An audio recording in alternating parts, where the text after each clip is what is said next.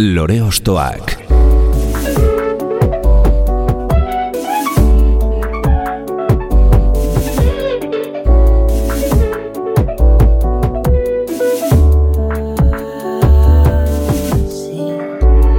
Ekain perezek aurkeztuta, gonbidatu bakoitza lore bat balitz bezala ostokatuko dugu. Jakiteko, zeintzuk diren bere lore ostoak. Haupa, zer moduz, ongi etorri lore ostoak saiora. Gaurkoan, Donostian mila bederatzion da irurogeita amabostean jaiotako musikari batekin elkartuko gara, bere ibilbidea erapasatu, eta batez ere, bidean bizitako momentuak kantuen bitartez ezagutzeko. Utikan eta amaika bide taldetan aritu ondoren, 2008an aritz anaiarekin batera, lauroba musika taldea sortu zuen, eta disko ugari kaleratu ostean, 2008an bere bakarkako bideari ekin zion, zeru tolesgarria izeneko lanarekin. Ordu ezkero, lau disko dira formatu honetan kaleratu dituenak, tartean artista askorekin kolaboratuz bere lanetan, eta baita bestenetan ere, ziurrenik esanguratsuena, izaro maiabiararen alboan egindako arreglista eta interprete lana delarik. 2008an bere laugarren bakarkako diskoa kaleratu zuen, negua izenpean, eta lan honekin, orain arteko emaitza borobilena lortu duela esango nuke, kantu eta soinudun paisaia ederrak bertan islatuz.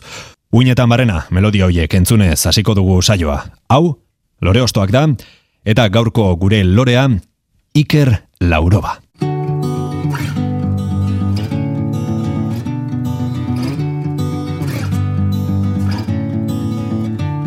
Azken orduak Egazkinei begira igaro ditut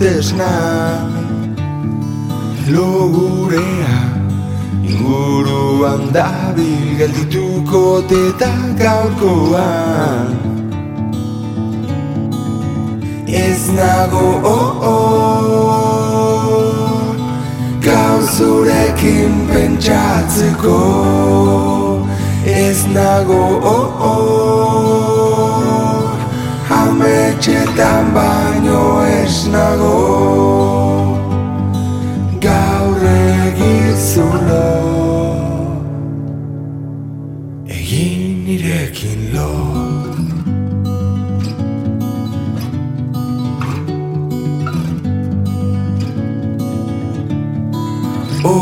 Orbitatzen Lurreratu nahian planik gabeko planetan. Besarkatu eta utzi nazazu Morfeoren besoetan.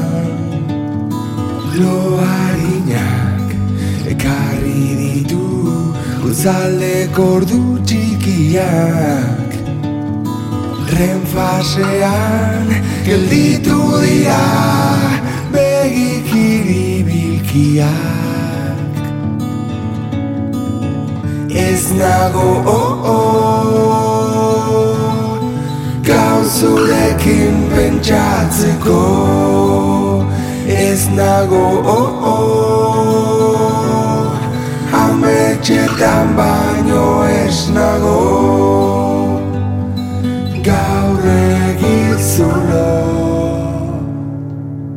Iker Laurobaren 2008ko negua lan bikainari amaiera ematen dio insomnio gauak abesti ezin ederragoak, eta horri buelta emanez, saioari hasiera emateko erabili dugu guk, baino abestiari buruz. Gehiago jakiteko, hemen dugu Iker Lauroba donostiarra. Hau Iker, Kaixo, zemuz? ondo, ondo ederki. Ondo, ederki, bai. gaur bazaude ametxetan baino ez nago. Momentu honetan, bai, bai. Abesti honena kurioso izan zen eh, sortze prozesua normalean eh, abesti bat eh, idazten dutenean nire prozesua izaten da lehenengo musika egin Bai, eta gero horri letra jarri. Baditut mugikorrean sartuta, zaki zen bat abesti eh, prototipo eta Milaka ideia Bai. Eta abesti hau ja gutxi gora bera egituratuan neukanean, normalean izaten dut eh, melodia buruan bueltaka, ea ze gai iradokitzen didan melodia horrek ez. Mhm. Eta hori zanuen egun osoan, egun igual aste betez zitzela ezer okurritzen. Eta egun baten nola esnatu nintzen goizeko ordu bitan, eta zen, aiba, zergatik ez, di, ez dut insomniari buruzko abesti bat egiten melodia horrekin. Esnatu nintzen, osea, paper bat hartu, e, ordu beten letra idatzi nuen, eta berriz lokartu nintzen. Izan zen oso prozesu kuriosoa. Eta, eta bai, badu, jende asko esan dit, abestien inguruan, igual diskoko beregin guztoko natakoa dela. Eta bai, Bai, bukaera bukaeran dago, baino egia da, nire Bai. harrapatu didala, eh, abesti honek. bai, lokartzeko une iristen da, ez piskator, sartzen nuen. Asko izan ohi dira, e, insomniozko gau musikalak zure etxean. Ez, oso lo, e, erraza dakat eta, eta loa, lo egitea asko gustatzen zait. Gainera, esaten dute adinarekin geroz da lo falta, osea, behar gutxiago izaten duzula, baina ni uste nire, nire kasuan mintzat alderantzizkoa dela. Ah, bai. bai.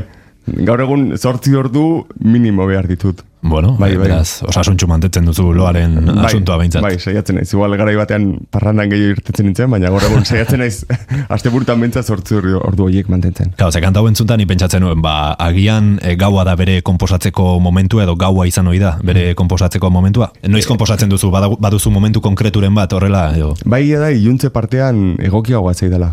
Bai, goiza arraroa da, arraroa da, ez? Gitarra bat hartuta zerbait normalen esnatzen nahi zinean, bai lanera joateko da, edo e, behar, egin beharren bat balin badaukat. E, normalean, bai, eguzkia joaten den ordu hori, zortzirak, bederatzirak, amarrak, udan, izaten da niretzako ordua proposa konposatzeko. Ezaki zergatik, baina inspirazioa erresago etortzen zait. Agian e, sensazio duzu egunari amaiera eman diozula edo zure bizitza sozialari edo ez, eta hor tarte bat e, sortzen duzu ba, zure, zure buruarekin egoteko edo ez. Hori sormenerako igual hor sortzen da nire, nire grina bai. Mhm. Komendatu dut e, negua izenekoa zure laugarren bakarlana dela, eta ados zaude esan dudanarekin, zure lan borobilena dau. Mm, Bai, bai, normalean beti, mm, bueno, taldeoko musikariok esaten du gure azkeneko diskoa dala hobea. da. Da, kasu honetan benetan sinisten dut, e, bai dala nire izan dela prozesu bat, ikaste prozesu bat, ez? Ba, askotan, bai lehenengo diskoan, e, lehenengo diskoan e, laguntza handi izan nuen Fredi Pelaizen partetik, bere estudioan grabatu genuen, potxoko estudioan behasainen, eta eskerrak berari hasiz ahal izan nuen prozesu hau. Bai, arkaitzkan horren letrei bai esker, ze berak egin zituen letra, disko guztiko letrak. Eta hortik aurrera hasi nintzen ikaste prozesu batean, ez? Esan ez, bueno, e, aurrekontu mugatu bat daukat nire diskoak grabatzeko ezin dut e, urtero estudio batek suposatzen duen gastua inbertitu disko batean, zen ez liak emango.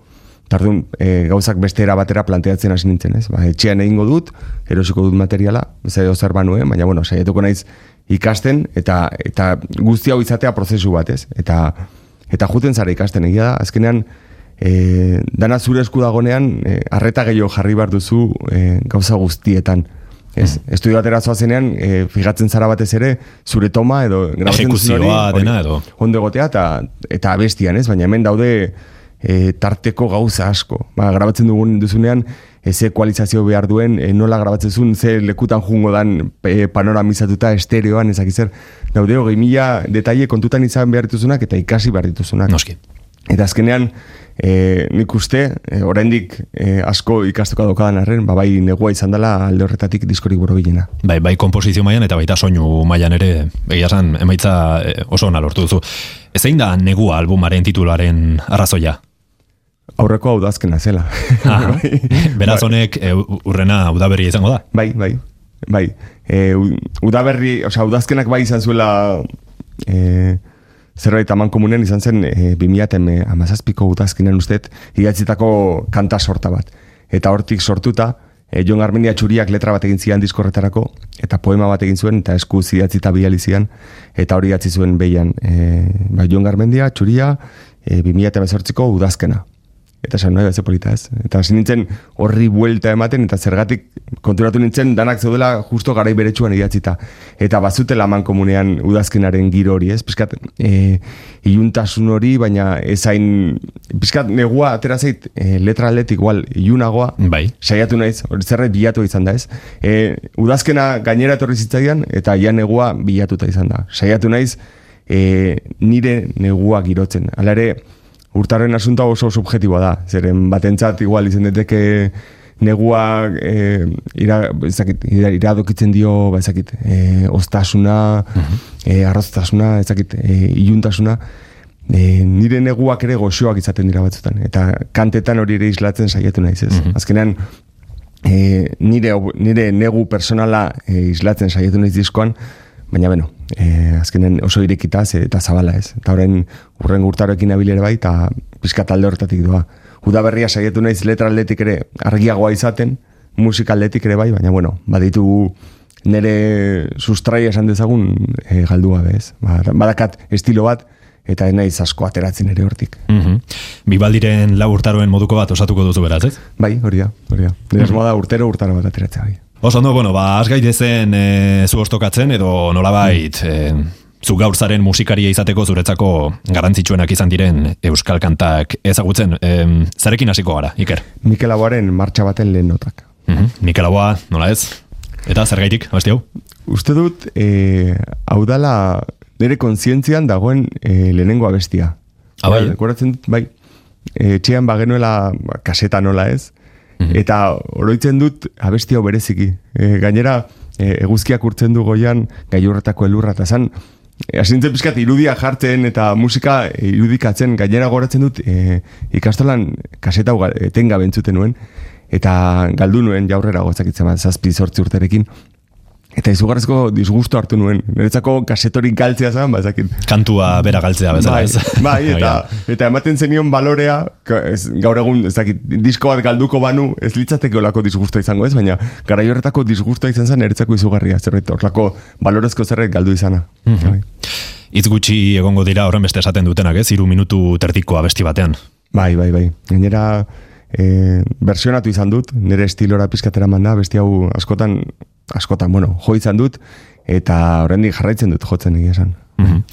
Josean, Artzeus urbildararenak dira hitzak, Mikel Aboaren beste hainbat abestita bezala, txori esaterako, ezuk zure abesti guztien hitzak ez dituzu idazten, baina orokorrean bai, ez? Zuzara idazten dituenak? E, geroz eta gehiagora nijoa, gauza da, e, nire ekoizpen mailak ez diala ematen, osea, musikala bai, baina letragile moduan ez dit ematen e, enbeste ez, ba, ezakit, ezakit nola esan. Ba, uniko orain arteko neguan aurreko diskoetan gutxo gora bera, kenduta lehenengoa zeruto lesgarri arkaitzek idatzi zitula guztia. Hori da. Beste bietan gutxi gora bera eh, letren erdiak idatzi zen ditut. Eta beste erdia, ba, lagunei laguntza eskatuz, ba, ba, osatu dugu diskori ez. Eta bai neguan, ba, hori, kenduta bat uste dut, beste bederatziak nik idatzi ditut. E, urrengo diskoan, udaberrian uste dut zortzi idatzi ditu dela. Bai, nik uste musika sortzerako orduan errestasun gehiago dut, letrak idazterako orduan baino. Osea, letrak idazteko buruari buelta gehiago mamarrizkiot, eta eta askotan bari, urtero, urta, e, urtero, urtaro bat ateratzeko aina, produkzio ez dit ematen letrak moduan. Mhm. Kuriosoa da, e, Mikel Abori buruz, bueno, ez magia zuen, ez? E, nola abeslari edo gitarrista handi bat izan gabe, e, teknikari dagokionez behintzat, nola bilakatu den herri baten e, ahots, ez? Hitzak garantzia duten oski, baino zerbait berezia transmititzen du, ezta? Bai, askotan ezakizu zer den, osea, ez, e, andaluzek duende eta esaten duten bezala ezakit agian. Hori da, edo flowa, edo... Bai, hori da. Ezakizula oso ondo, pixkat, hitz etereoak dira, ezakizuna e, esan nahi e, su- objektibo bat bilatzen, baina Mikel Abak bazuen hori. Ezakit, e, garai konkretu batean jaiotakoa da, e, garai baten e, abesten hasitakoa, e, bere letren esanaiagatik naiz berak ez izan asko, baina, baina bai berak abesten zituen letra horien esanaiagatik. Gero, beti dago zalantzari, ez? Mikel Aboak gaur egun jaio izan balitz, e, Zer gertatuko zen, ez, edo? non egongo zen, edo, baina totako, e, tokatu zitzaion momentu jakin horretan jaiotzea eta musika egitea, eta azkenean herri baten ikur bihurtu da. Mhm.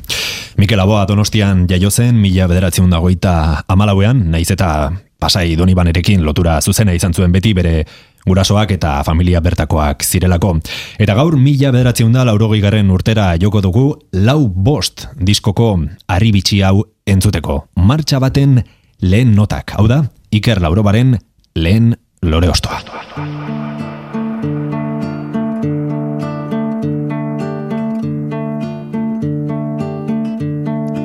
Euskiak urtzen du goian, gailurretako elurra, uarkada jauzten ibarrera, geldi gaitza den oldarra.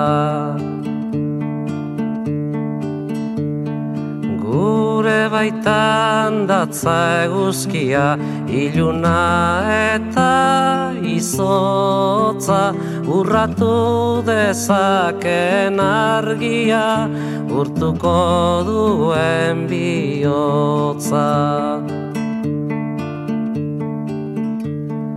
Biotza bezain bero zabalik, besoak eta eskuak gorririk ikus dezagun egia argiz beterik burua.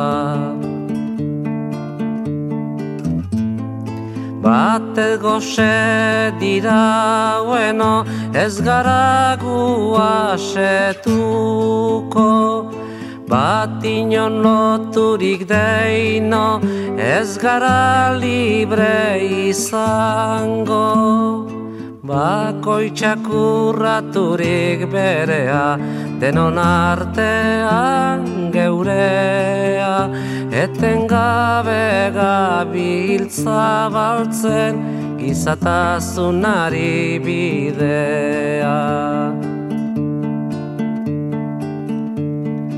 Inor ez inor menpekorikan, nor bere buruan jabe, herri guztio bategin ikan, ez gabiltz gerori gabe.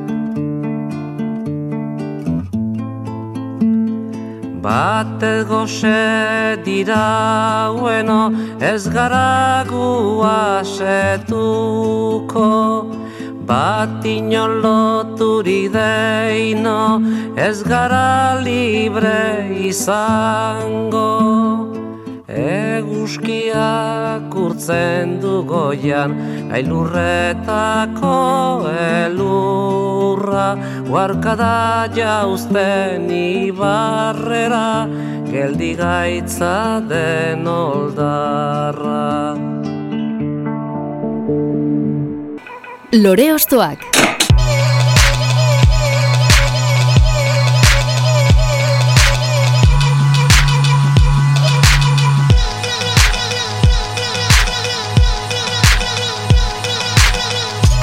Laboaren doinu magikoetan eta hartzeren hitz sakonetan barena ibiliostean gure lorategira itzuliko gara. Hemen baita gaurko gure lorea Iker Lauroga eta beste petalo bat kenduko dizugu. Zein da, urrengoa bestia?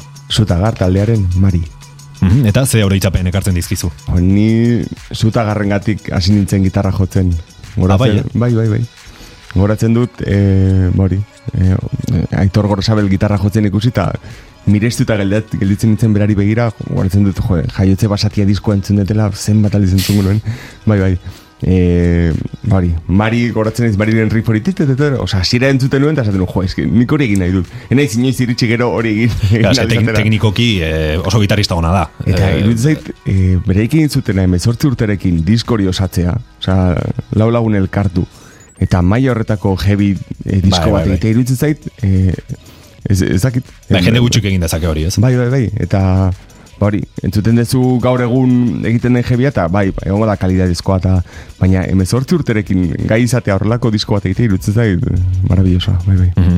Egon zen eh, generazio bat Euskal Herrian, Euskal Rock erradikalaren eh, gainberarekin edo eh, heavy metala besarkatu zuena, eta sutagar eta gero ere latzen, asgar eta beste hainbat talde egon ziren tartean bere itxarrakek ere lehenengo diskoan heavy doinuekin eh, lotura izan zuen. Mugimendu horren parte izan zinen zu? Hau da, eh, baduzu heavy iragana? E, bai, gitarrista gehienok bezala. Hori da, bai, ez? bai, gainera bai, suposatzen dut aitorren influentziagatik, gero utikan taldean ere, ni utikanean sartu nintzanean, ez, ez genuen hainbeste heavy egiten, bai, beraien hasieratan neko disko heavyak ziren. e, ni sartu nintzenean gehiago rockera jo genuen, baina soloetan eta bai nabaritzen zan agian... Oinarri hori, ez? Bai. Gero ditzen da musika bat ere, gaur egun ez dut heavy entzuten. Osea, da, e, garai horretarako... Bai, eh, kontekstu horretan ez, eta... Mhm. E, uste dut okerrez banago amabi disko dituztela guztira, esutagarrek, em, zuzenekoak kontuan hartu gabe, errez esaten da, eh? Bai, bai, bai. Zenbateraino iritsiko zarazu. Ba, ezakit. Horrela jarritze, urtero ur, disko bat ateratzen badut, amabi urtetan. Bueno, hortxe hortxe ibiko zara, Ez, eh? baina, suposatzen dut urtaroak behin pasata deskantxo bat hartuko etela, bai, zeren azkenean lanek eza da Claro. urtero disko bat ateratzea bai. Mhm.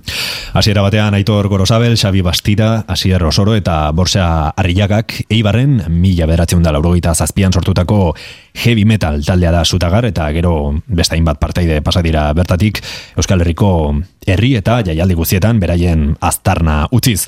Gaur gure saioan entzungo ditugu, Iker Laurobaren eskutik, mila bederatzen da laurogeita amaikeko jaiotze basatia lehen diskoko Mari abestiarekin zuekin Zutagar.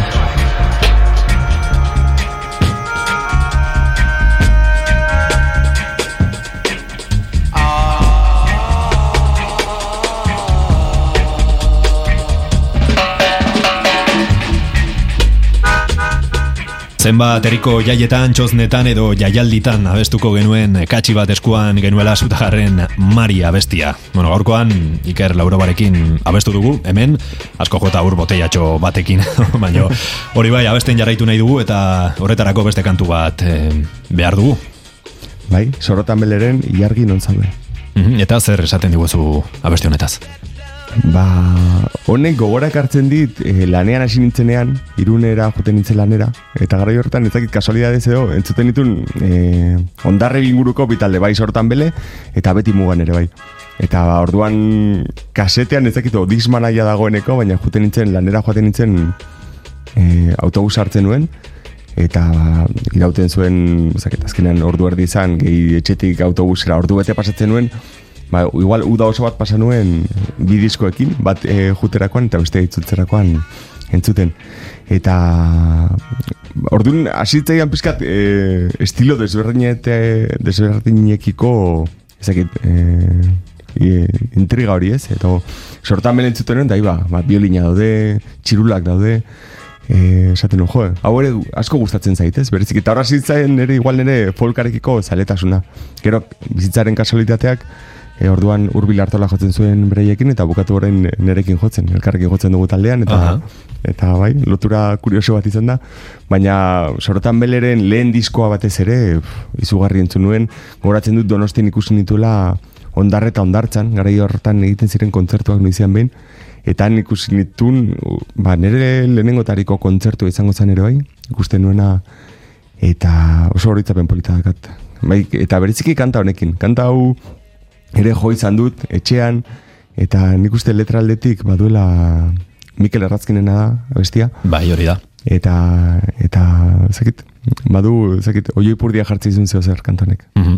Baiz, e, sorotan bereko txirula aztezin hori jotzen zuen e, Mikel Errazkinek, 2008an zendutako e, parteideak, idatzi zuen abestia, esan bezala, laurogeita amalauean zoritxarrez osasun arazo batengatik etaldea utzi behar izan zuen, eta justo ospitalean sendatze prozesuan zegoela bere ama hiltzenean sortu omen zuen e, abesti honetako ba, hitza edo, beraz, eh, askotan momentu tristetatik horrelako abesti ederrak geratzen zaizkigu betirako ezta? Bai, bai, zerbait ona atera bartzaile momentu txarrei, eta askotan batzutan e, saiatzen gara kanta bihurtzen, eta eta egia ere kantak egiterak orduan, ba, nik uste bi alar daudela, ez? Batzuk esaten dute benetan bizitzen duzun hori abesten duzunean e, egiten duzu, ez? Sentikorrago edo jendearen ganako irispen hori e, zuzenagoa dela bizi, benetan bizi izan duzunean. Gero beste batzuk esaten dute, bazakit. Eta ni pizkat beste adarretik noa, nahiz bietatik egin, eh? Osea, batzutan bai benetan autobiografikoak izan ditezkela kantak, baina beste batzuetan ere e, sortu ditzakezu kantak, ezakit... E, Fikzio moduko bat hori da, sortu zen. e, pelikula baten hiltzaile papera egiten duenak ez zergatik inor hil behar izan, e, paper hori sinesgarritasunez egiteko, Hori da. Eta musikarekin ere antzeko zer gertatzen da. Mhm. Nogeneko Markel irigorasek aipatu zigun, e, berak tristuratik idazten dituela bestiak, naiz eta hauek alaiak izaten bukatu. Zuk ere esango nuke tristura musatzat gehiago izan ohi duzula, e, alaitasuna baino, ez? E, bai, bai, zalantza gabe. bai, bai erresago egiten zait, adibidez, e, orain urrengo bi diskoetarako bai uda berria eta bai uda, konstienteki saiatzen ari naiz hori iraulitzen, baina bai, kostatzen zait, kostatzen zait, beti nire tendentzia da Ohituratu zaude horrela lan egitea eta beraz, beraz uda berria agian e, erronka handiagoa izango da, ez? E, zentzu horretan. Bai, bai, desientan diagoa, baina bueno, e, udaberria dagoeneko amaituta dakat. Ah, bale, amaituta duzu. Bai, e, nasketarekin nabil eta azkeneko arreglo batzuekin, baina bueno, gutxi gora bera amaituta dakat, eta bai e, lortu detela nik uste letra aldetik pizkat e, argitxoagoa izatea. E, uda, saiatu nahi dut, oraindik beste pauso bat eman, eta oraindik gehiago izatea, baina, baina bueno, horta, hortan nabil eta eta saiatuko naiz. Ez dakit lortuko eten, baina saiatuko naiz. Barne bidaia moduko bat egiten duzu hitzak idazterakoan, edo barne garbiketa bat egiteko eraminta moduko bat da musika? Bai, zalantza gabe, zalantza gabe. Askotan e, ez du zergatik e, momentuko zerbait izan behar, ez? Zure historialean behiratu dezakezun zerbait da, eta hortik e, tiratu eta besti bat sortu. Baina batzuetan bai gertatzen zait, e, zerbait e, bizitzan gertatzen dene, zaidanean zerbait oso esanguratsua edo, saiatzen naiz e, e, alik eta azkarren, horren inguruko abesti Hori bat plasmatzen, ez? Bai, bai. Bestela joan daiteke sentimentu primario hori edo ez? Hori da, hori da. Igual gero idazten duzu, baina bai pixkat gehiago e, memoriatik tiratu barezu, o gehiago fantasiatik, ez? Askotan e, oso fresko daukazunean, e, eserita idatzi eta eta egin ditut horrelako kantapare bat, eh? Azken aldian, bai. Mhm. Beno, Baiker Laurobaren urrengo hautaketa entzutera goaz, kasu honetan, mila bederatzen da laurogeita amalaueko ondarribian egingo dugu geldialdia, sorotan beleren mundu egian diskoa ireki, eta bertatik entzuteko, ilargi non zaude.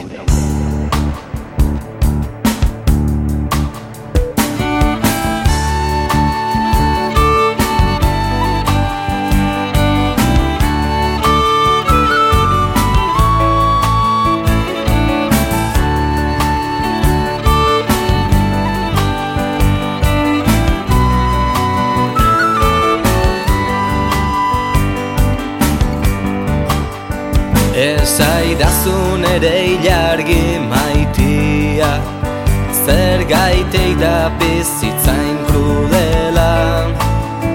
Behin baino gehiagotan bururatu zait Bizitzaren mugazte arkatzea Inpernua ondo ezagutzen dut Pare bat aldiz bertan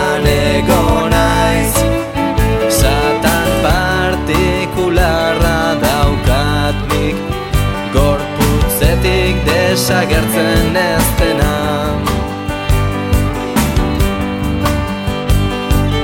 Motibu baten bila Nabil egunero La Rosaren arantza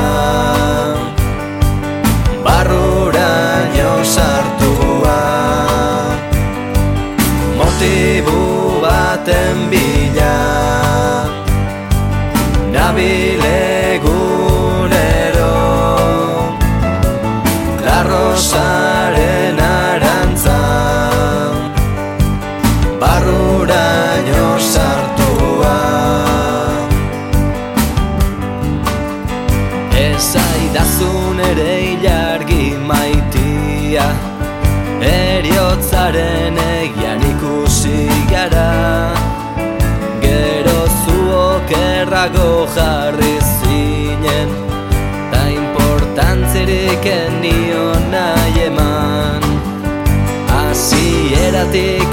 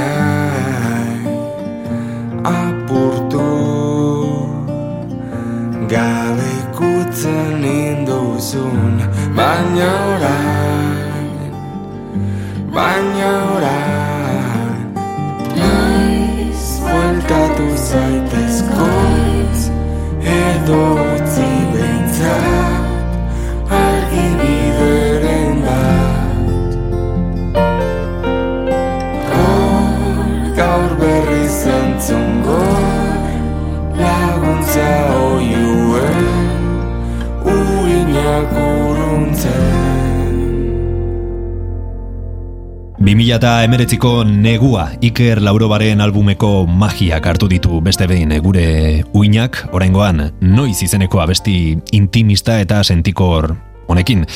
Zer esaten diguzu, bertako hitzetan Iker? Ba, lagun bat kanpora joan zeneko ba, lehen hitz egin- hitz egiten genuen pixkat, ez? Azkenean momentuan eseri e, gitarra hartu eta besti bat idaztearen ingurukoa.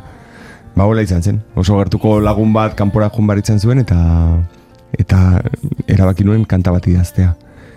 Eta, bai, nik uste ederki girotzen duela sentx- nire sentsazioa momentu horretan, e, berari ere asko gustatu zitzaion, eta gustatzen zaio. Eta berak badaki Bai, eh, bai. zein den. Bai, eta gainera hori, leireletuk laguntzen dita hotxetan, eta... Hori da, berriz ere ez? Bai, bai, eta nik uste izugarrizko lan polita egin zuen. E, Bai, oso ondo enpastatua dago bai. hotxa gainera eta...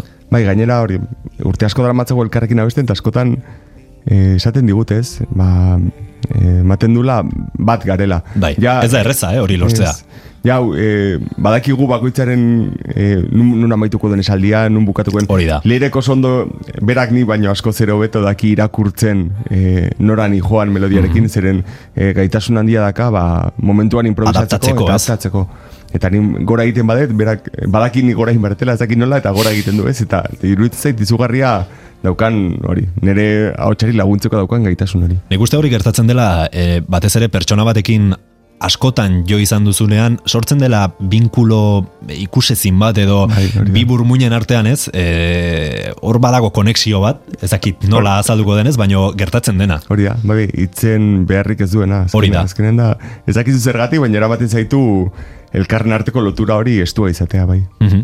Bertan beste abestietan bezala pianoa, gitarra eta hainbat arreglo antzeman e, ditugu. Zuzara instrumentu guziak jotzen dituena grabazioetan? E, gehienak bai, gero bai izaten dituala, ez Josu Erbitik e, bateria grabatzen ditu, e, normalean saiatzen naiz e, kolaborazio desberdinak izaten kanta bakoitzeko, ez oso berdintxuak izateko, ez pixkat bakoitzari bere bere, osea, lore hortan, osto danak pizkat desberdinak izan daitezen beraien artean. eh, Xavier Zeberiok askotan grabatu izan dizkit, bai, biolinak, biolak, txeloak, eta... Baina bai, e, orokorrean sei, nik egiten dut bizkarre zurra esan dezagun, eta gero hor beti izaten ditut, ba, printza txikiak laguntzen. Jose, e, jotzen dituzun instrumentuen zerrenda ikusita, beldurra eta guzti ematen du. e, ahotsa, gitarrak, lap estil gitarra, teklatua, pianoa, basua, ukelelea, harmokord organoa, kabakinoa, Hammond organoa, perkusioa eta kontrabasua. E, ostras, e, gustuko duzu soinu berrien bilaketa hori, ez? Bai, eta denborarekin ere ikasi dut, e, instrumento bat, instrumento batek abesti batean funtzionatzeko, ez zula virtuoso bat izan behar. Beti genuen, ezakit, e, alik eta gauza zailagoak egin, ematen du e, musikari hobea zarela, eta ez, e, zailtasuna bestean dago. Zailtasuna dago, e, ja, jakite irakurtzen, abesti bako, bakoitzak zer instrumentazio behar duen, eta instrument hori e, nola izan lagungarri abestiaren osotasun batean.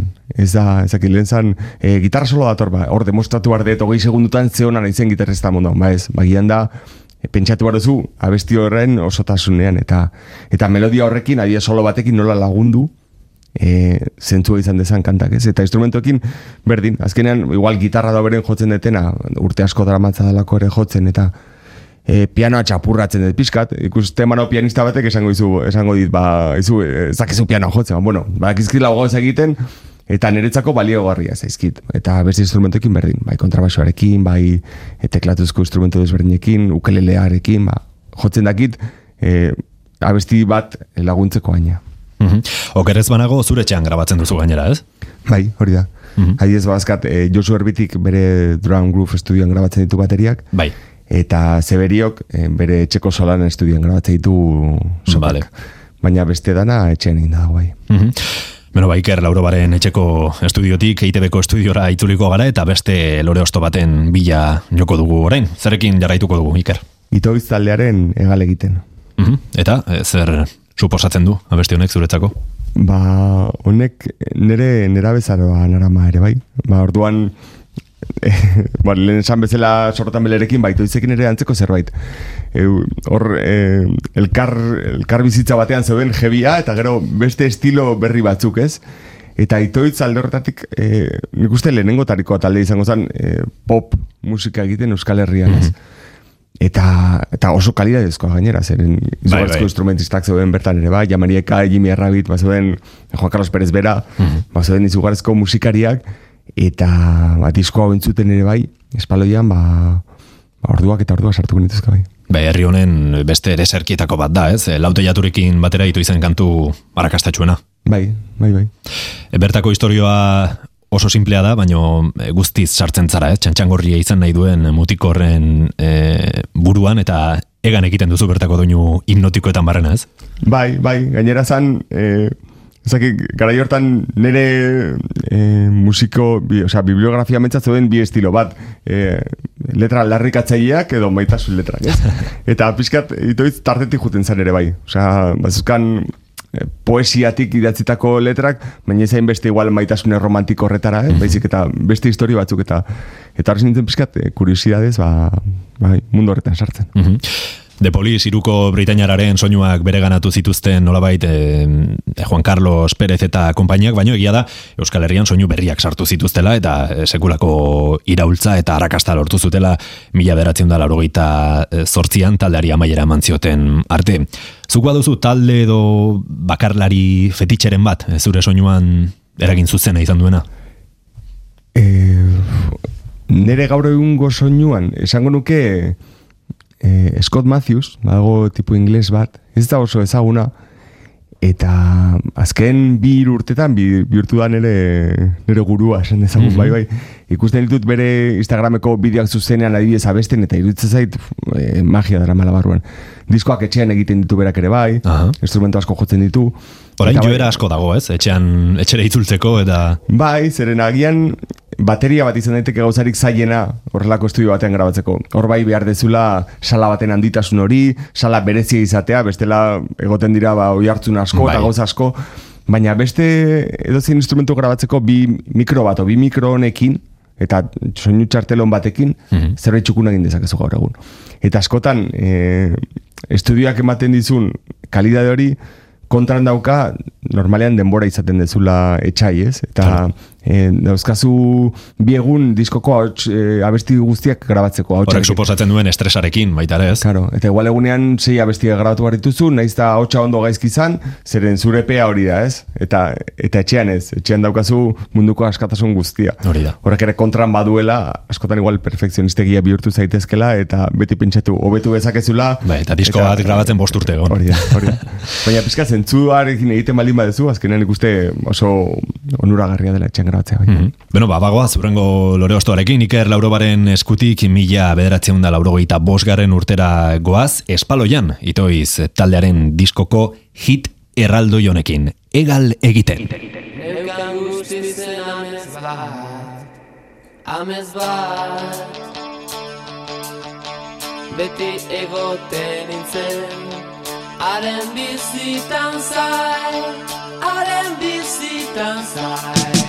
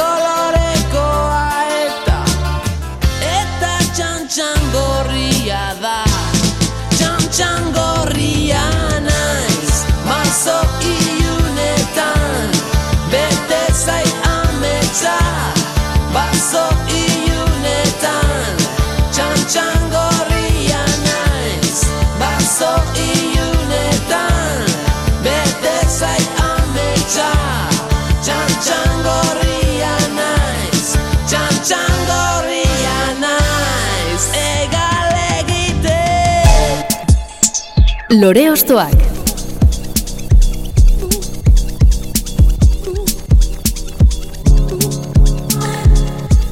Egal egiten gustura ibili gara mutriku eta ondarroako kostalde gainetik itoizen melodiekin, baino bueltatu behar dugu ona guri dagokigunarekin. Gaurkoan Iker Laurobaren euskal kantu kutxunak ezagutzea da gure helburua eta beste bat entzun nahi dugu, beraz? Bota Iker, Ertsundi jaunaren udazken koloretan. horioko bardoarekin egingo dugu bat beraz. Bai, niretzako gaur egun jainkoa da. Benito. Bai, ez? Bai, bai, bai. E, zuzene, zuzenean askotan ikusi dut, eta bai, bai, iruditzen zait musikalki e, arregloak bere ahotsa, bere ahotsa entzun ez ez zer gehiago behar. Baina bere inguruan dauzkan musikariak, dau- dauzkan e, konponketak abestietan zehar, hainbeste gauza gertatzen dira, netzako hainbeste emozio batera dira, eta bai diskoetan, eta gertatzen zait, askotan gertatzen da artistekin, beti esaten da, ba, jo, nire hasierakoa gustatzen zait, gero ja juten da, komo ezak izan, nire Benitorekin kontrakoa pasatzait. Osea, e, gaur egungo Benito irutzen zait Benitorik onena. Mhm. Bai, bai. Ze ona. Nola oroitzen duzu, e, Benito Lertxundirekin zure lehen kontaktua? E, gurasoen gandik entzun duzu familiako abestietan edo nola? Ba, etxean ez, egia esan, e, lehenengoa e, esango nuke lagun baten etxean, kuadriako batek, baten gurasoek batzuzkaten Benitoren bizpairu disko, eta orduan horretzagutu nuen esango nuke, bai, ba, nahiko, nahiko berandu, ba, igual amazazpin sortzi urterekin, nolako zerbait. Eta, eta aukeratu dudan abesti hau, hau izango zen ere Benitoren erositako lehenengo diskoa, eta zoroit. Eta gara horretan neukan e, oean, oe ondoan e, CD reproduktore bat. Mhm. Eta disko hau lo, lo kartzeko erabiltzen nuen. Eta goratzen dut, ba igual, ezakit, hilabete batzutan zehar, gauero, nire rutine izaten zala hori, hortza garbitu, oera sartu, Benito hori play eman, Eta Benitorekin lo hartu. eta, eta Benitorekin lo hartu, bai. Udazkena da besti honetan ere e, protagonista. Zure 2018ko diskoaren titulua horrela da, udazkena, esan dugun bezala. Bai. Abesti honek balio izan zizun agian baita ere udazken koloretan murgiltzeko, edo ideiak hartzeko. Seguro baietz, seguro baietz eren abesti hau bereziki gustokoa dut. Naiz da disko honetan e, altxorrasko egon, baina abesti hau zait daukan, bai, eske udazkena da. Entzuten duzu eta abesti hau Bai, udazkena. da. transmititzen zaitu hori, ez? Ja, bai. Osea, e, iztegi bat hartu eta udazken itzaren ondoan abesti hau marko Benitoren kantua. QR, QR bat eramaten zaituna Benitoren abesti honetan. Zure diskoarekin batera, noski. Ondoan, ondoan jarriko ondoan. Oso ondo, bueno, ba, esan bezala, udazken koloretan murgilduko gara orain, Benito Lertxundiren mila bederatzen da laurogeita amaseiko itaz oroit diskoa geure ganatuta. Entzun dezagun, Iker Lauroba, donostiararen urrengo lore ostoa.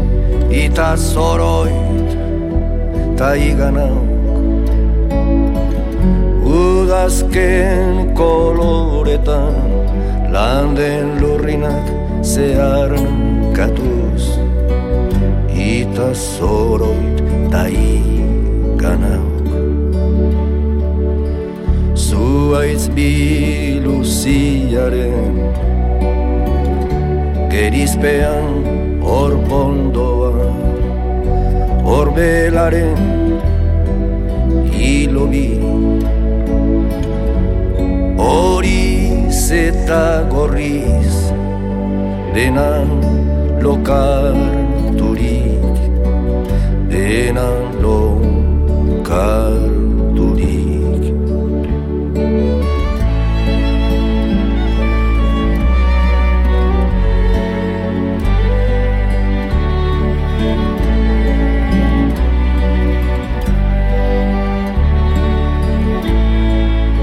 Eskuratu ostoa, xume bezain eder. Hain soia bereri hortzean Zuaiz guztiaren bizkortasunez.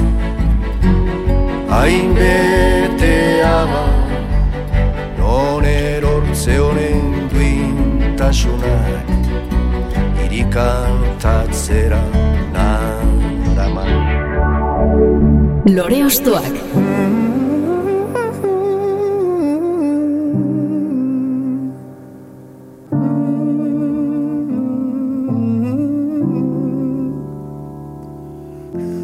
Ez do, kamairu taldeko partaide izandako Benito Lertxundiren udazken koloretan izan gara azken minutuetan Iker Laurobak horrela nahi izan duelako. Eta oriotik, noragoaz orain? Zornotzara. Mikel Urdangarinen itxasoan euria. Askotan ikusiko zenuen zuk ere itxasoan euria donostian, ez? E, bai, bai, donostia izan da, bai, bai. Benito jainko aldin batzan, hau jainkoan semea da. Osea, Jesus altzan ditu erresasko. bai, ba, Mikel eta esango et berdin. Azkenean, pizkat, estilo aldetik, e, hildo beretsutik doala, ez? Folk estilo horretatik, instrumentazio antzekoak erabiltzen ditu batzutan.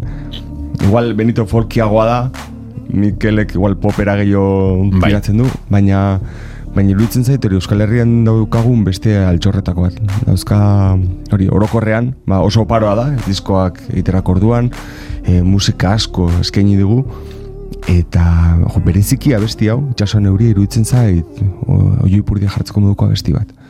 Bai letra, bai musika, e, badago bideo bat zuzenean grabatuta elkarren, beraiek danak batera grabatzen iruditzen zaitela, jo, ba hori, bideoa eta niri behintzat, e, zakit, belarriak e, findu eta irekiarazi dizkidan bideoietakoa da, ez entzutezula, eta eta gauza asko ikasteko moduko personaje bat da, osea, e, Mikel iruditzen zait, bari, artista handi bat. dela. Mhm. Kuriosoa da daukan vibrato pekuliar hori ez da? Berezia eta bakarra. Bakarra. Daude, bai, az- Niri batzutan, ez, ez da, berdina baino, Anthony and the Johnson zen, Bai, eh, bueno, bai, eh, izan liteke. antzekotasun bat hartzen diot vibrato azkar azkarra, bai. oso azkarra da eta eta e, imita ezina da. Hori da pixkat, badaude ahots bereizgarri batzuk, ba, Xabi Bandinik ere badauka Bai. bukaera berezi bat berea dela. Mm Entzuten duzu eta hau bera da, ez? Eta Mikelekin berdina gertatzen da. Vibratoren entzuten duzu eta da. Da, firma moduko bat, bai, bera, bera da bai. Aha. E, zuk ere erabiltzen duzu vibratoa, behin baino e, gehiagotan, baina urdangarinena vibrato azkar edo urduria bada, zurea geldo edo lasaia, ez? Mm, Bai, ateratzen zaidan, hori askotan... E, Baina bai da firma moduko bat esaten genuen, Bai, ez? bai. E, jun, egon nintzen hiru urtez edo kanto klasetara juten, eta peskat e, horrelako gauzak eta, eta teknikak erabiltzen ikasten, eta vibratorrena bai dela zerbait oso, bori, barrenetik ateratzen den zerbait. E, bilatzea zaila da. Eta igual bakoitzak izan du, izango du berean, eri hori ateratzen zait, eta pixkat, e, vibratoaren zailtasuna da e, egokitzea musikari, musikaren tempoari. eta, eta hortan ere badaude benetazko artistak, ez? Neria, ez dakit, ateratzen zaian zerbait da, eta pixkat, batzutan bai badi joan musikarekin, bestetan ez zain beste, e, tempo horrekin esan dezagun. Baina, bueno, bai, badala igual firma moduko bat izan daiteke bai. Mhm. E, abesti honetan Alison Kibel eta Maria Amolategiren ahotsak ere entzun daitezke koruetan, biztan da gustatzen zaizkizula, ez? Gizon eta emakume ahotsen arteko kolaborazioak. E, bai, bai, e, zaki zergati den. Osea, bai entzun dutela, folkean ere asko ere egiten den zerbait izaten da, ez? E, bai. Egia da kolore aniztasun hori, ez? Edo ematen diola azkenean neska eta gizonezko ahots batek. Bai, e, ba, tesitura desberdintasun hori, Hori azkenean ondo e, nabari zen ditu eta ondo e, baratu ditzakezu zein den zein den zein eta askotan igual norberak bere buruari e, koroak egitean pizkat e, biak batu bezala egiten dira, ez? Hor gehiago banatzen dira bakoitzak eta eta bai azken aldian eta bai zuzenekotan ere bai nire seikote batekin goaz eta bai garrantzia handia ematen digula hautsen elkartasun horri ez, eta, eta bai abestetan normalean, ba, hiru ahots, lau ahots izaten ditugu kantetan, ba, pizkat, e, diskoan dauden ahots guzti horiek e, isladatzekotan edo. Mhm. Beno, ba, entzun dezagun, Mikel Urdangarin denbora luzez, eh, gazte izen bizi izan den artistaren margolaria 2000 eta amazazpiko diskoarekin. Iker Laurobaren urrengo proposamena da.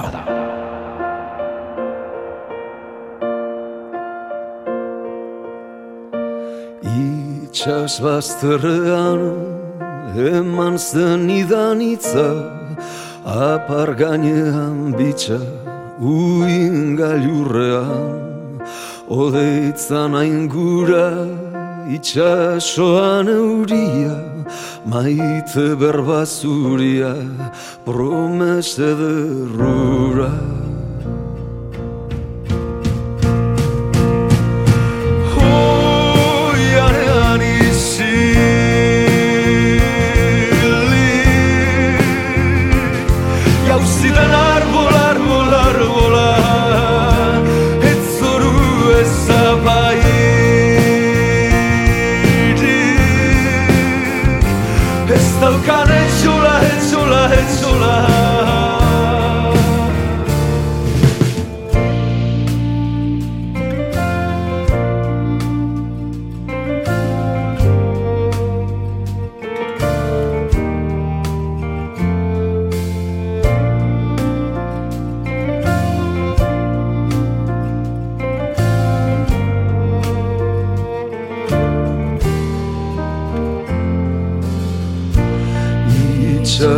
bazterrean eman zen idanitza Apar gainean bitxa uin gailurrean Odeitzan aingura itxasoan euria Maite berbazuria promese derrura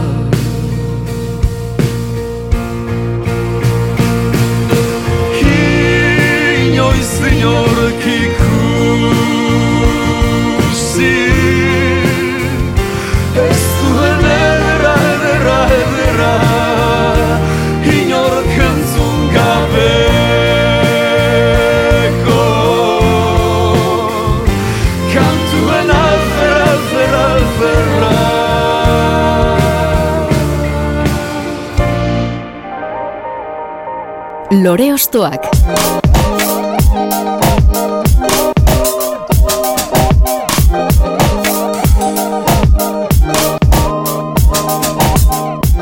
eta mazazpian margolaria diskoarekin izan gara Mikel Urdangarinen ahotsa entzunez itxasoan euria izeneko abestian eta hau alde batera utziko dugu Iker Lauroba artista donostiara baitako hemen gurekin eta kantuen bitartez nolabait bere bizitzaren errepaso bat egiten ari garen ez abeste abesti bat eskatuko dizugu Iker. Zein da orain datorrena? Hauak ezagutze ditut. Bai. Lauroba taldearen agur. Amigo, bakarka hasi aurretiko zure proiektuaz.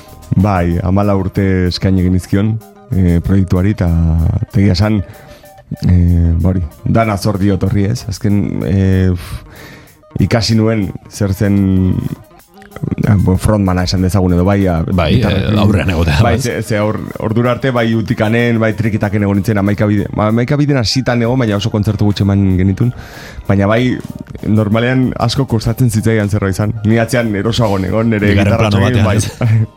Jendeak ez, ez nuen ikusten eta igual lasaiago egoten nintzen. Gero ez da gutxiago gero ez da beto ze... bai, zabeslariak badu e, orokorrean publikoaren euneko laro marra edo abeslariari begira hoten da. Bai, Momentu bai, gehienetan behintzat. Bai, hori da. Abesten duenean behintzat, gehiena, kenduta igual gitarraen frikiak eta hori da, hori O bai, musikoak egoten dira danari begira, bai, baina bai, bai. orokorrean, bai, bai, mm -hmm. e, gertatzen zegoen zerbait Eta orduan ikasi nuen eta aurrera paus hori eman nuen eta eta bai, ba, azkenen amala urte zegoen ginen estenatokitan gora eta bera. Mm -hmm. Zure anaia aritzekin osatu zenuen taldea gainera ez? Bai, hori da ba, justo Euskadi gaztea zen gara jortan maketa lehiaketa batera aurkeztu ginen eta biok grabatu genuen maketa hori eta izen bat jarri bar genion azken egun arte ginen zai ez egun ez erokurritzen eta esan genuen ba, lauro bat jarriko diogu eta zuen abizena da ez bai, abizena da eta, eta aurrera eta ordura arte, eta gaur arte. Mhm. Abesti hau taldeari eta jarraitzaileei agur esateko eh, sortu zenuten eta okerez banago Donostiako dokaretoan eman zenuten azken kontzertua ez? Bai, hori da. E... Nola izan zen, kontzertu hori? Oso unkigarria, oso unkigarri izan zen, oso berezia. Ezkenean, atera genuen gure laugarren diskoa, e, 2000 eta maseian uste dut, -huh. e, seiatu nintzen bira, karo, ordu, gara horretan danera guk eramaten genuen, ba, dana, bai, e, bai aurrekontu aldetik eta bai e, gestio aldetik, management aldetik gutan eramaten genuen, orduan, e, saiatu nintzen bira txukun bat e, lotzen, azkenan oso kostata baina lortu nuen, e, bira horita gero, egon ginen urte bete geldirik, ez genolako kontzerturik lortzen, azkenean e, bos musikare ginen, ja behar dituzu e, azpiegitura baldintza batzuk, zaila da olako formato batekin taberna batean jotzea, eta jo, mm. jo izan genuen, eh, aurkezpen kontzertu egiten. Bai, baina orokorrean zailagoa da. Bai, eta pixkat etxituta, azkenean ba, erabaki genuen, amala urte eta gero, ba, uste erabaki genuen. Mhm. Eta uzteko modua izan zen, ba, azkenean e, abesti bat grabatu nahi, e, bari. Berez, eh, jotzeko gogoa genuen, eske, azko, batzutan... Errealitatearekin golpe bat izan zen, ez? Nola bai, bai, zeren e, bukatzen baldin baduzu ezakit, e, galtzen dezula, ez, jotzeko gogo edo... Grina, edo, bai, bai, pasioa, edo... Bai edo da ezakit eh, taldearen arteko gora berak edo bai. euskalo zergatik izan daitekela baina baina momentu horretan jotzeko gogoz ginen baina ezken kontzertu lortzen. Orduan pena handi zutzi behar izan genuen eta erabaki genuen behintzat ba, genekien egiten genekien gauza bakarrarekin agurtzea ez? Eta, eta horre abesti bat sortu genuen eta abesti hori egin genuen eta gero bideoklip bat grabatu genuen azken kontzertu horretako irudiekin. Eta gainera abesti bat e, ezakit onena esate askotan zaila baina igual Ni bentsat, e, ibilbide guztian arroen nagoen abestietako bat da. Bai. Beraz, agur esateko abesti polita bai. sortu zen duten ez? Bai, nik uste baitz. Zaila izango zen alare ez, agur esatea. E, e, zirkustantzia horietan. Oso zaila, oso zaila. Gainera... Horren beste urte, horren beste sentimentu, ez? Bai, eta kontzertu batean, azkenean claro. kontzertu bat, eh, hainbeste lagun ikustea bertan, eta jakitea, ezakita, abestia jotzen duzunean, izango dela azkeneko aldia, abesti hori jotzen duzula. Zeren, inkursientek egiten bali mauzu, noiz bait utzi, ja, kontzertu bat gabe, jakinda, bueno, ba, bukatu zan, eta bai. listo. Baina dakizunean, egun hori eta momentu hori izango dela azkena, ba, ostras. Emozio hori, piloa bai. elkartzen dira momentu bakarrean, ez? Hori da, eta kuriatzea ez da erresa, baina bai, bai, ikuste agur politu bat eskaini geniola talde. Mm -hmm. Beno, Baiker Laurobaren iragan urbilera goaz orain, gehienok proiektu honetan ezagutu genuen bere hotxa, eta beste behin guk ere agur esango diogu Lauroba taldeari, agur izeneko abestia entzunez.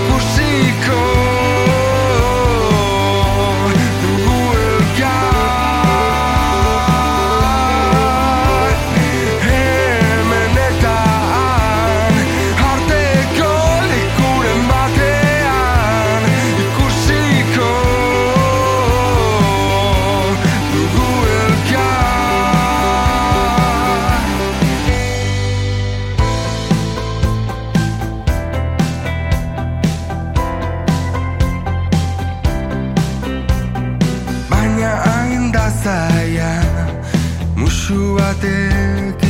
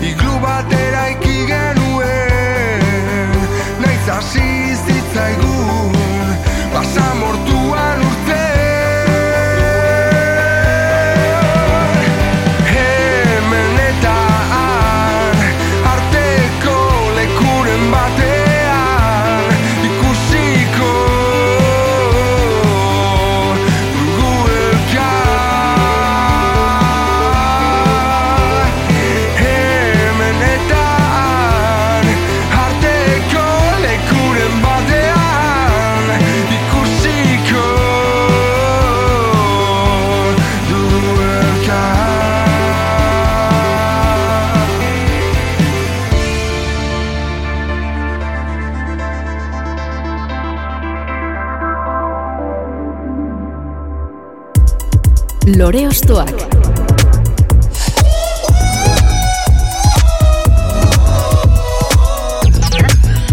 Agur esan bazuten ere musikaren magia horixe da, abestiak betirako geratzen direla gordeta gure memorian, eta horrela bereskuratu dugu lauro bataldearen azken kantua. Alde batera utziko dugu beraz, zure proiektu oia iker eta honi agur esan da, nori esango diogu, kaixo. Izar hori, zangalatraba bestiarekin. Baina justu, lauroba utzi zenuenetik, e, zure bakarkako proiektuaz gain, e, buru belarri lanean egon zaren proiektua da izaro, ezta?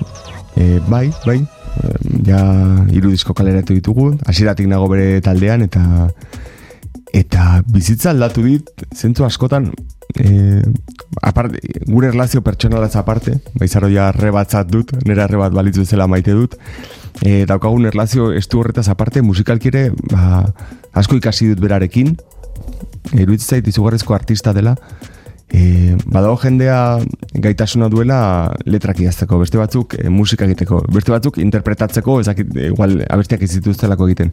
Nik uste izarok hiruak biltzen ditula. Abesti honak egiten ditu, letra honak egiten ditu, eta oso ondo interpretatzen ditu ere bai. Eta bai, ikasi dut, asko berarekin, berantzako ere bai, zerotik hasi zen, osea, urte horretan gutxi gora bera, mazazpikoa baldin bada home diskoa, ba, amaseioen, oma bostean hasiko zen bera gitarrarekin, e, berantzako bai izan dela ikasgai ikasbide bat guzti hau, ez? E, azken hiru lau urte hauek. Oso azkar gainera. Bai, bai. Baina niretzako ere bai, azkenean e, joal izatea kursalen, e, jotea Mexikora jotzea, e, ezakit, e, jotea Madridera eta etortzea irureun persona kontzertu bat ikustera, e, hemen Euskal Herrian zehar emandako kontzertu guztietan enbeste jende egotea. Niretzako ere bai, izan da zerri berria. Nik musikan orain arte bizi ez nuena. Eta, eta bidai horretan e, berak ni eraman izana, bai, izugarri es- eskertzen diot. Mhm. Arrakasta horren guztiaren zati bat eh, gainera zure aregloi esker ere izango da, ez? Bertan parte eh, asko hartzen duzu. Bai, a ber... Eh, Ez izan humila, eh? orain, eh? ez, nik uste, a ber, gu ez bagine izan bere musikariak, nik uste izarro leku berdinan egongo zala beste musikari batzurekin. Egia da ere, ba, guk alik eta gehienen baten saiatu garela beti, e, bere banda izan garen enean. E, kom, izarok abestiak berak egiten ditu, lokalera ekartzen ditu, eta gero bai lokalean igual moldatzen ditugu ba, e, guztien artean ez.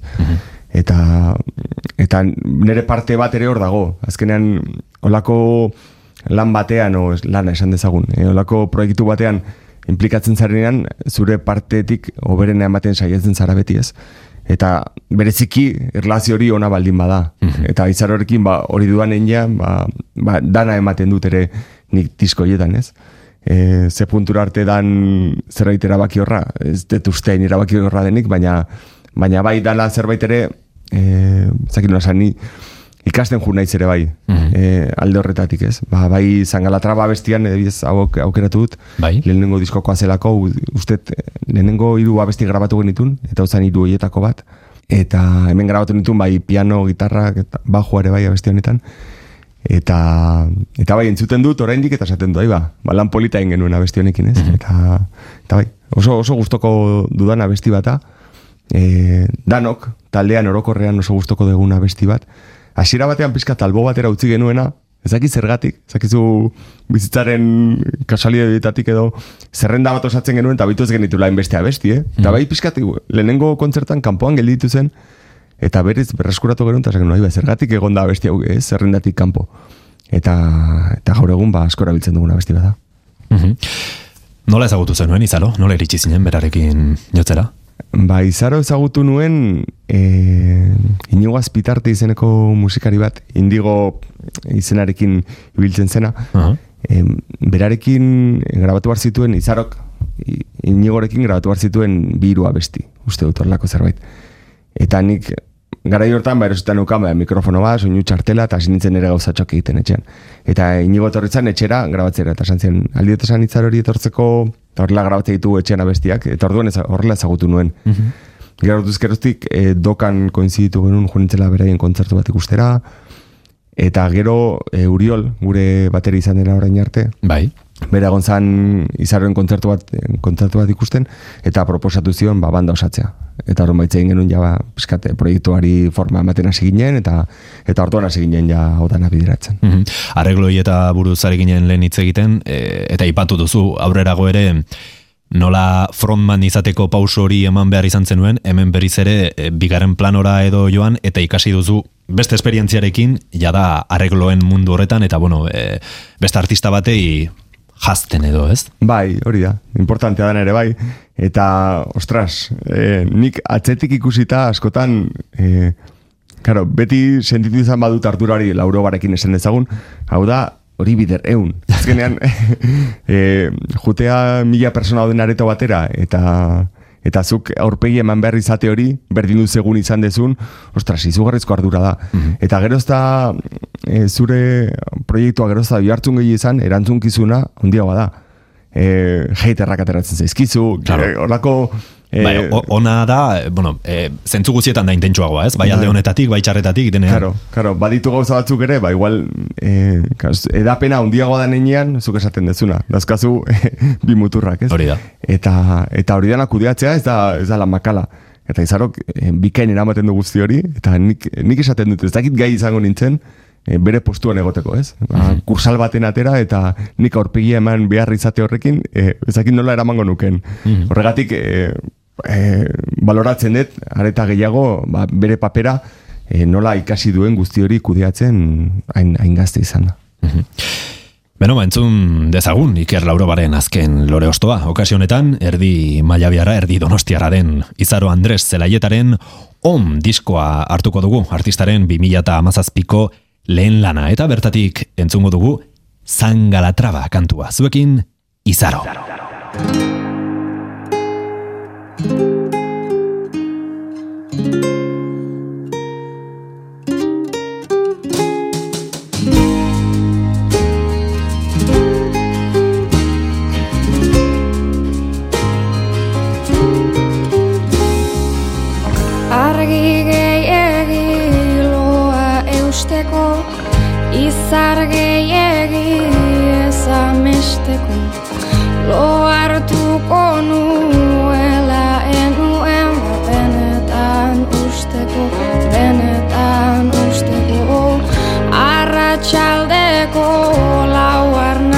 up